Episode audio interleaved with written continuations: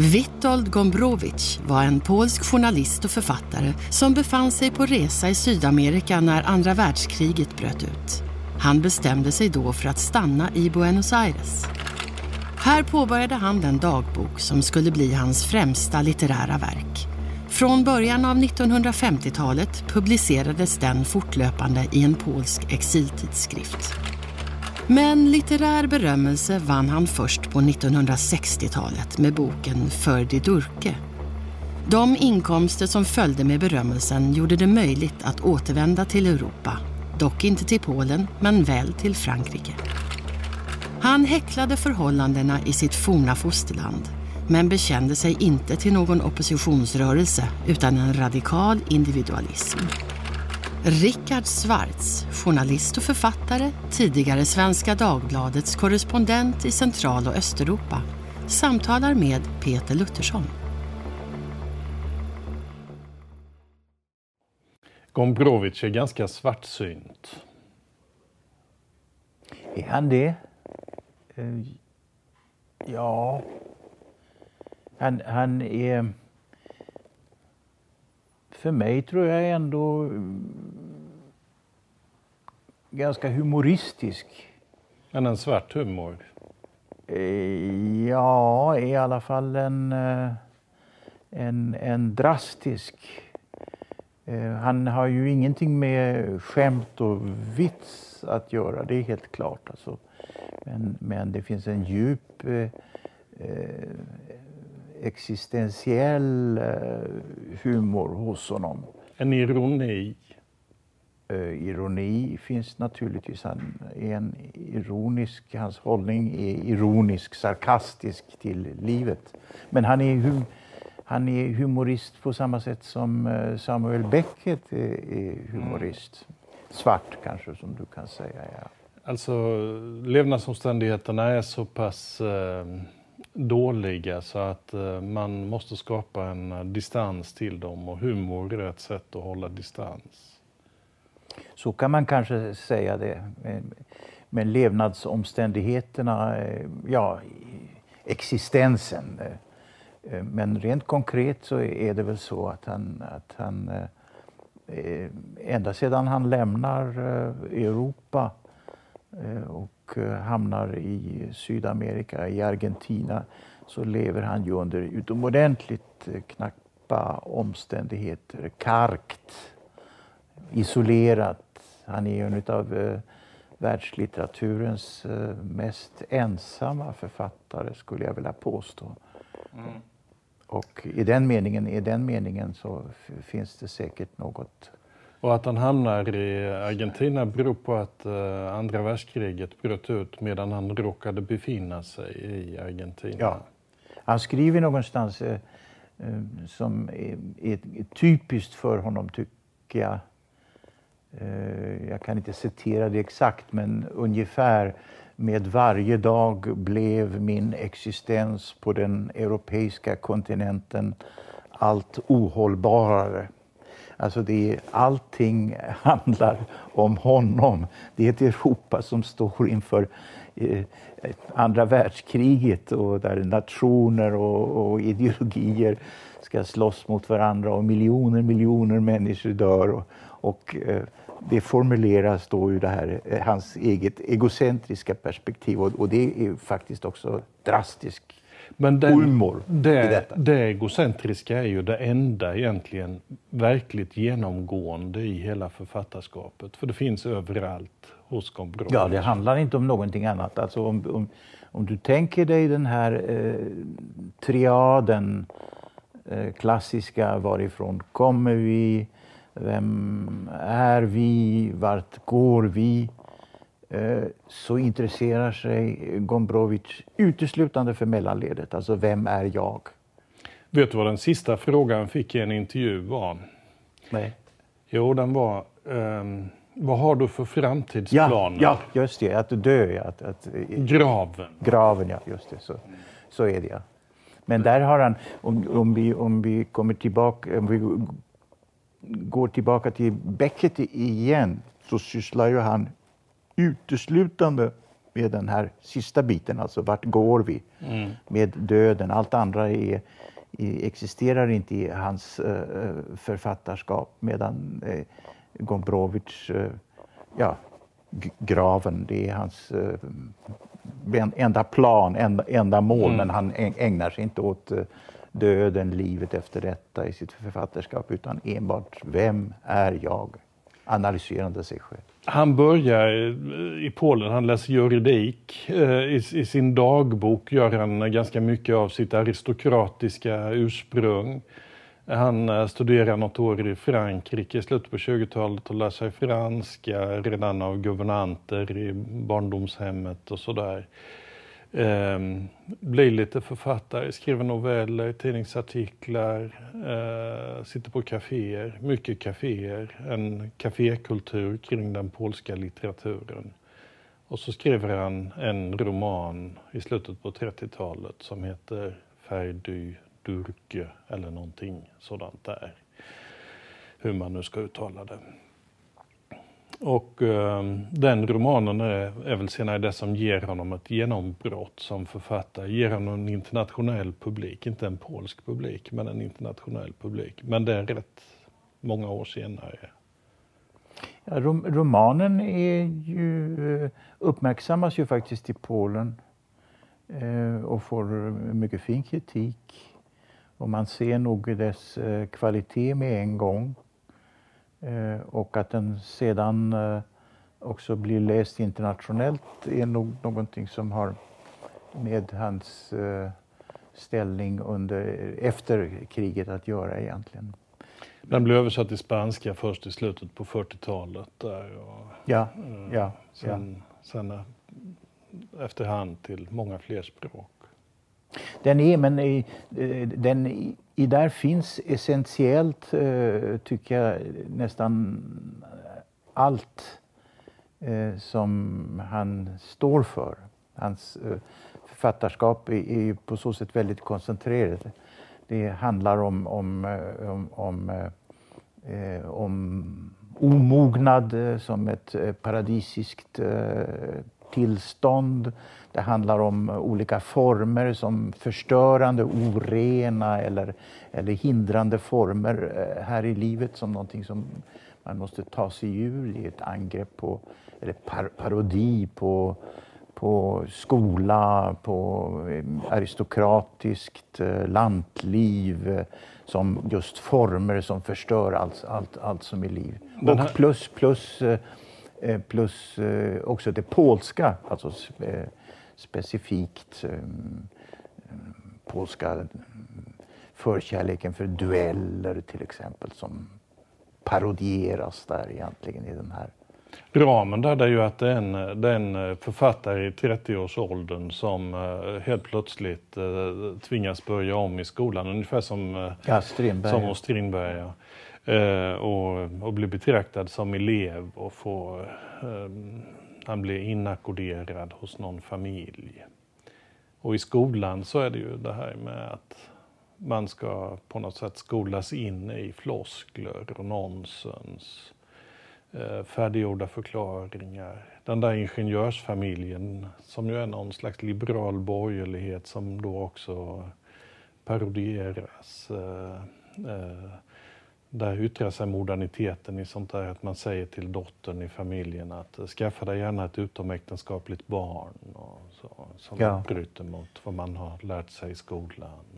Re rebellera, gör uppror mot alla livets starka former. Det är väl ett, ett eh,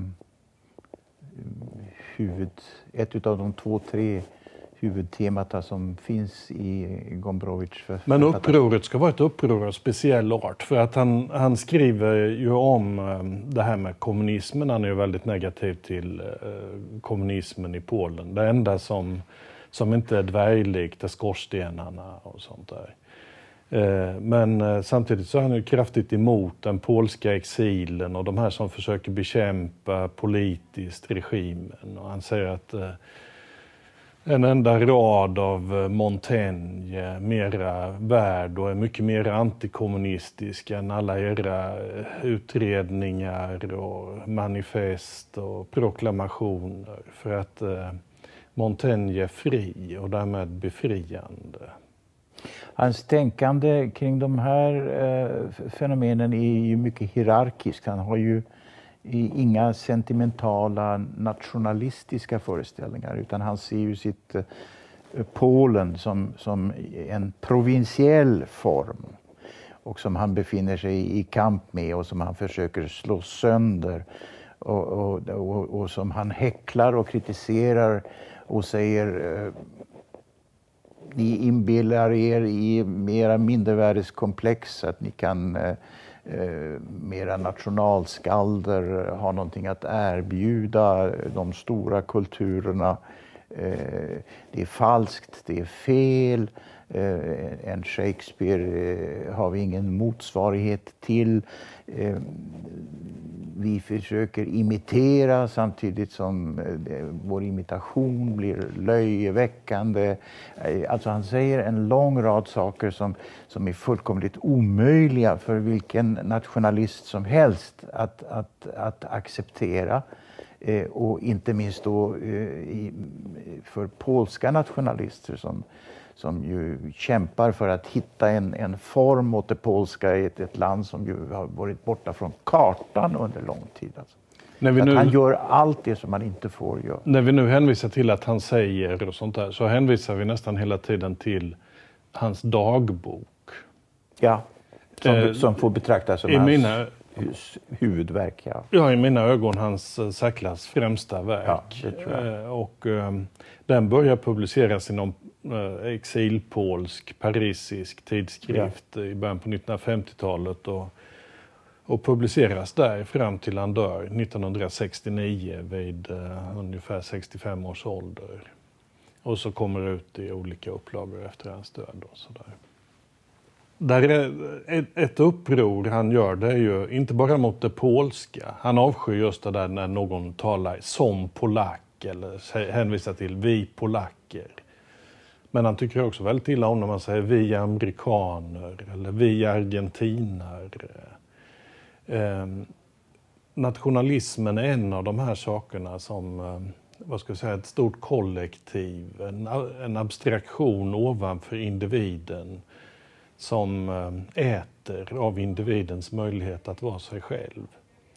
Och det finns ju andra sådana där abstraktioner. Han nämner dem gärna, Gud och proletariatet, men också konsten till exempel.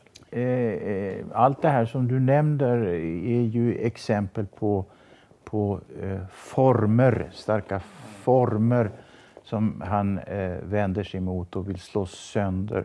Därför att eh, han vill inte eh, fångas eh, upp av dem, men han vill inte tjäna dem. Han vill inte vara i den meningen alltså en del av den polska nationen eller något liknande eftersom han, han, han, han eh,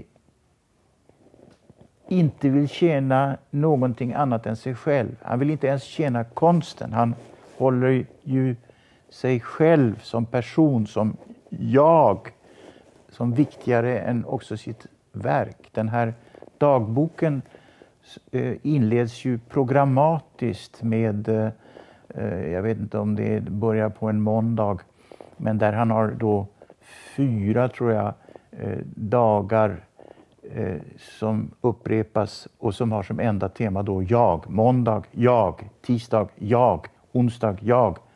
Mm. Torsdag, jag. Det är, hela, det är hela hans program. Och det är då, det han beundrar i konsten också. Eh, han, han säger om, jag kommer inte ihåg vilka det är, låt säga Rilke och Valeri, att eh, även om alla deras eh, verser vore försvunna så finns det kvar en eh, personlighet, en ande. Ja. Något som inte är vad som helst. Vissa. Och det är dit han strävar själv. Ja, just det. Eh, och eh, eh, att inte tjäna någon annan eh, instans än, än eh, så att säga det egna jaget eller och, hur man betjänar sig själv är kanske svårt att föreställa sig. Men, men, men, men att göra sig fri från alla dessa bindande, fängslande eh, former är, är någonting tror jag som man kan hitta som en röd tråd i den här dagboken. För tittar man på den där Ferdydyrk så, så det börjar ju med att han sätts i skolan igen av någon som kallas Pimbo, en eh, konservativ lärare som representerar traditionen, kanon. Eh, så. Men han frigör sig från honom med hjälp av den här eh, ingenjörsfamiljen, moderniteten, liberalismen, vilket omedelbart gör att han fångas i någonting annat som han också måste frigöra sig ifrån. Här finns det ju eh, eh unga kvinnor som, eh, vad ska jag säga, eh, är det som länkar berättelsen vidare. Så rymmer han ifrån den familjen efter någon sån där fullständigt absurdistisk scen och ger sig ut på landsbygden och träffar släktingar som är då um, ja, Fångarna i den aristokratiska lantadelns. Godsägarmiljön. Ja. Så. Och då ett tag så blir han lockad av den och dras in i den men så inser han att det fängslar honom också. Och det blir också en begränsning. Så han går från den ena begränsningen till den andra och den där frigörelsen ifrån formerna eller från de kollektiva abstraktionerna i sina konkreta manifestationer. Det, det lyckas honom aldrig. Du nämner kvinnorna eh, eh, i, i den här romanen. Kvinnorna kommer inte eh, så väl till rätta i hans bok. Däremot finns det väldigt många eh, unga gossar. Han söker sig ju också i sitt eh, eget liv Eh, till just sådana miljöer. Han berättar om det rätt mycket i, i, i, dagboken. Uh, unga pojkar som han träffar och, och, och, och, och, där han låter sig eh, kanske förföras utav, utav uh, ungdomen. Jag tror inte man ska kanske betona det homoerotiska så starkt men men i alla fall eh, ungdomen är han fascinerad av. Och det finns en stark, eh, stark eh, erotisk eh, underton i, i, den, i den här dagboken. Men där det gör det och han, där, han, kommenter, han kommenterar ju det också som homoerotiskt men mer i förbigående. Ja, ja. För ja. att det som är fokus är ungdomen. För ungdomen har två värden som sen går förlorade skönhet och behag. Ja. Och eh, han ställer mycket behag emot nytta. Nytta är någonting som påtvingas oss eh, senare. Kultur är också någonting som skapas av de äldre för ja, ja. att disciplinera ungdomen. Som är... Men hans förhållande till kultur är också mycket eh, kritiskt. Mm. Men, men eh det är väl också så att den här erotiska spänningen är mycket närvarande eh, och har kanske inte så uttalat kön utan det är, det är ungdomen som, som, som, som där dyrkas egentligen och som attraherar honom. Eh, sexualitet finns knappast alls i, i den här eh, eh dagboken. Och jag och inte i romanerna heller, nej, trots att nej. en av dem heter pornografi. Ja, till exempel. Men, men, men den enda scen som jag tror mig komma ihåg där det, det talas om sexualitet i dagboken är när han plötsligt upptäcker att han har fått några rynkor. Alltså han börjar bli gammal. Han ser det här i, spe, i spegeln. Och uh, beger sig då ut på landet där han är, hos gäst, där han är gäst hos en kvinna och som han uppenbarligen eh, också hamnar i säng med och beskriver sexualiteten. Eh, inte i detalj på något sätt, men det är klart vad som, vad som där händer. Men som han sen tar avstånd ifrån för att eh, erotik förvandlad till sexualitet eh, tar fram mannen i honom den vuxne mannen i honom. Och det vill han inte. Utan, utan han vill ha pojken, han vill ha ynglingen. Den som han håller på att förlora. För och sexualiteten är alltså någonting som, som han egentligen vill avvisa. Han vill inte vara en man, den... han vill vara en gosse. Ja. Jo, ungdomen är ju förknippad med alla positiva värden egentligen. Ehm, och skönhet som det centrala, en viss lätthet eh, som man skulle kunna kalla lättsinne också. Eller ja, en lätthet helt enkelt. Att existensen inte är så tyngd av en massa förgivettagande. For, formen är inte gjuten. Formen är inte gjuten. Eh, men i, i den här pornografi, den handlar ju om två personer var, där den ene heter Vithold, precis som han själv. Det är ju för övrigt ett namn som förekommer lite här och var i hans uh, skönlitterära verk. Um, som tillsammans med en, uh, med en annan medelålders vän blir eh, uh, begapade när de kommer ut på landsbygden mot slutet av uh, kriget i Polen i två tonåringar, en flicka och en pojke. Och de iscensätter att de där två ska attraheras av varandra. Men de erotiska scenerna blir aldrig mer erotiska än att någon eh, hjälper någon att knyta en sko eller någonting sånt där. Nej, Nej han, stann, han, stann, han stannar i eh, definitivt i det erotiska och som oftast eh, då tar sig diskreta former. Och sexualiteten finns inte. Men i den här boken leder det ju också till att de här två medelålders männen driver pojken i det här, av de här tonåringarna eh, egentligen att, eh, att begå ett mord som sen blir tre mord precis i slutet av boken. Det slutar med en slags blodsexcess där. Ehm, detta skrivs utan att ha någon, vad ska jag säga, det finns ingen moralisk tematik i beskrivningen av det här förloppet. Så. Gombrowicz är ingen moralist.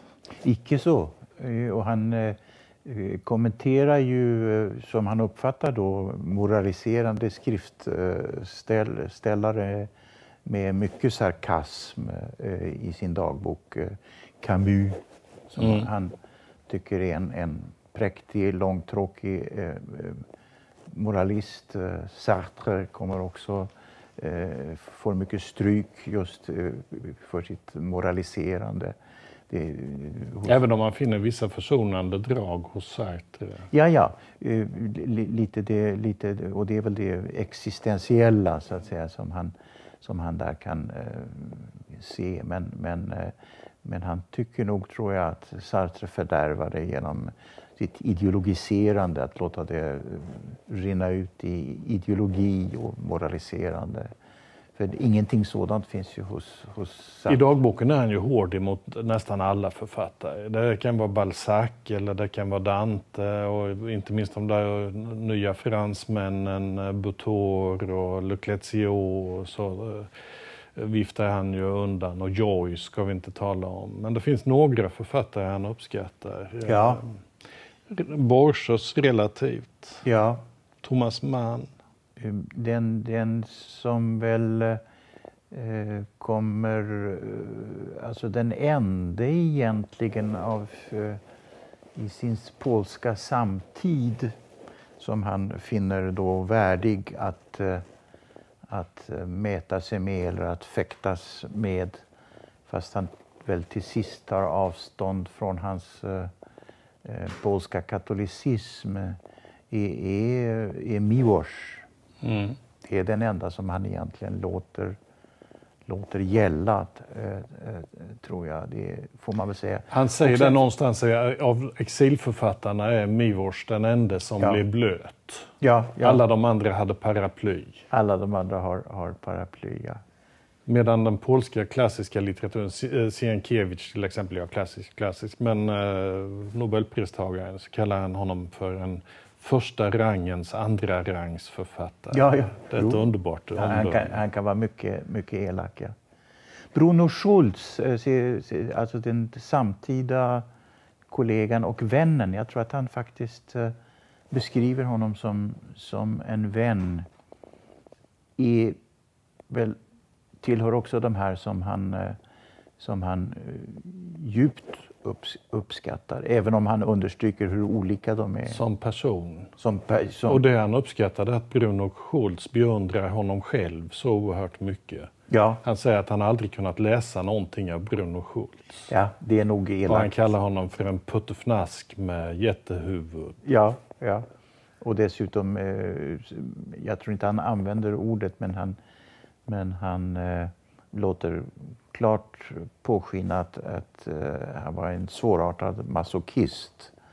Att, eh, jag tror att han skriver att eh, eh, Bruno Schultz eh, längtade efter att, eh, att bli förnedrad och bestraffad eh, av, av honom, av Gombrowicz. Och, och han bjöd gärna på det. Och det är det där att Bruno Schultz hänger sig åt en annan sån där kollektivistisk abstraktion, nämligen konsten.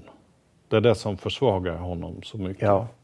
Trots, trots att, han, trots att eh, eh Schultz eh, författarskap ju i stor utsträckning han, handlar om eh, nedanförmänskliga, eh, ofärdiga former. Alltså ett nedre liv, naturen som ännu inte har givits form, tiden som ännu inte har eh, fått någon form. Alltså där har han beröringspunkter med, eh, med, eh, med Gombrowicz och, och, och som han alltså känner sig dragen till och som han är fascinerad av. Han kom till Argentina 1939 och sen så är, som du säger i början där, ensam, fattig, bohe, lite bohemiskt liv. Eh, så småningom, Bohem, bohemisk. ja, eh, ett liv på drift i alla fall.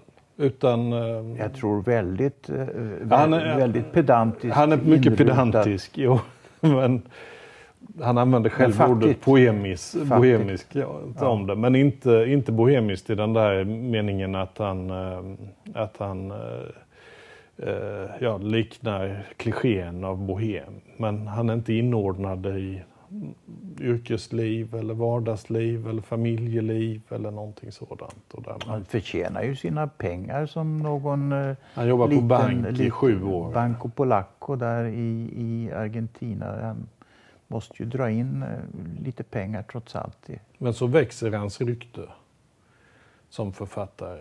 Ja, Och 1963 så får han ett stipendium av Ford Foundation och kan återvända till Europa. Och kommer då till Berlin först. ja, Och sedan flyttar han till Frankrike 1964 ja. och lever så småningom på Rivieran i Vans. Men är sjuklig och kan inte riktigt njuta av sin eh, framgång och nya ställning sådär. Åt, återvänder aldrig, inte ens på besök till det då naturligtvis kommunistiska Polen. Jag vet inte, hade han kunnat göra det ens?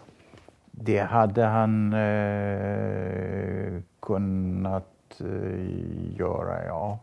Men han var... Eh, det, det, hade, det hade man kunnat, man, man hade kunnat acceptera honom. För han hade problem med publiceringsförbud i ett Jo, jo, tidigt jo, skede. men Sen han- han kunde skulle- hans han skulle flera kunna- böcker ges ut 1956. Ja, Men sen blev de förbjudna igen just det, just 1958. det. Men det fanns perioder i det, i det kommunistiska Polens historia då han skulle kunna ha eh, kunnat komma på ett besök i alla fall. Man hade inte för, förklarat honom persona non grata, det tror jag inte. Men han, men han vill inte. Han vill inte. Och sedan får han en hjärtinfarkt i november 1968. Han gifter sig med en kanadensiska i december 1968 och sen dör han. Tack Rickard.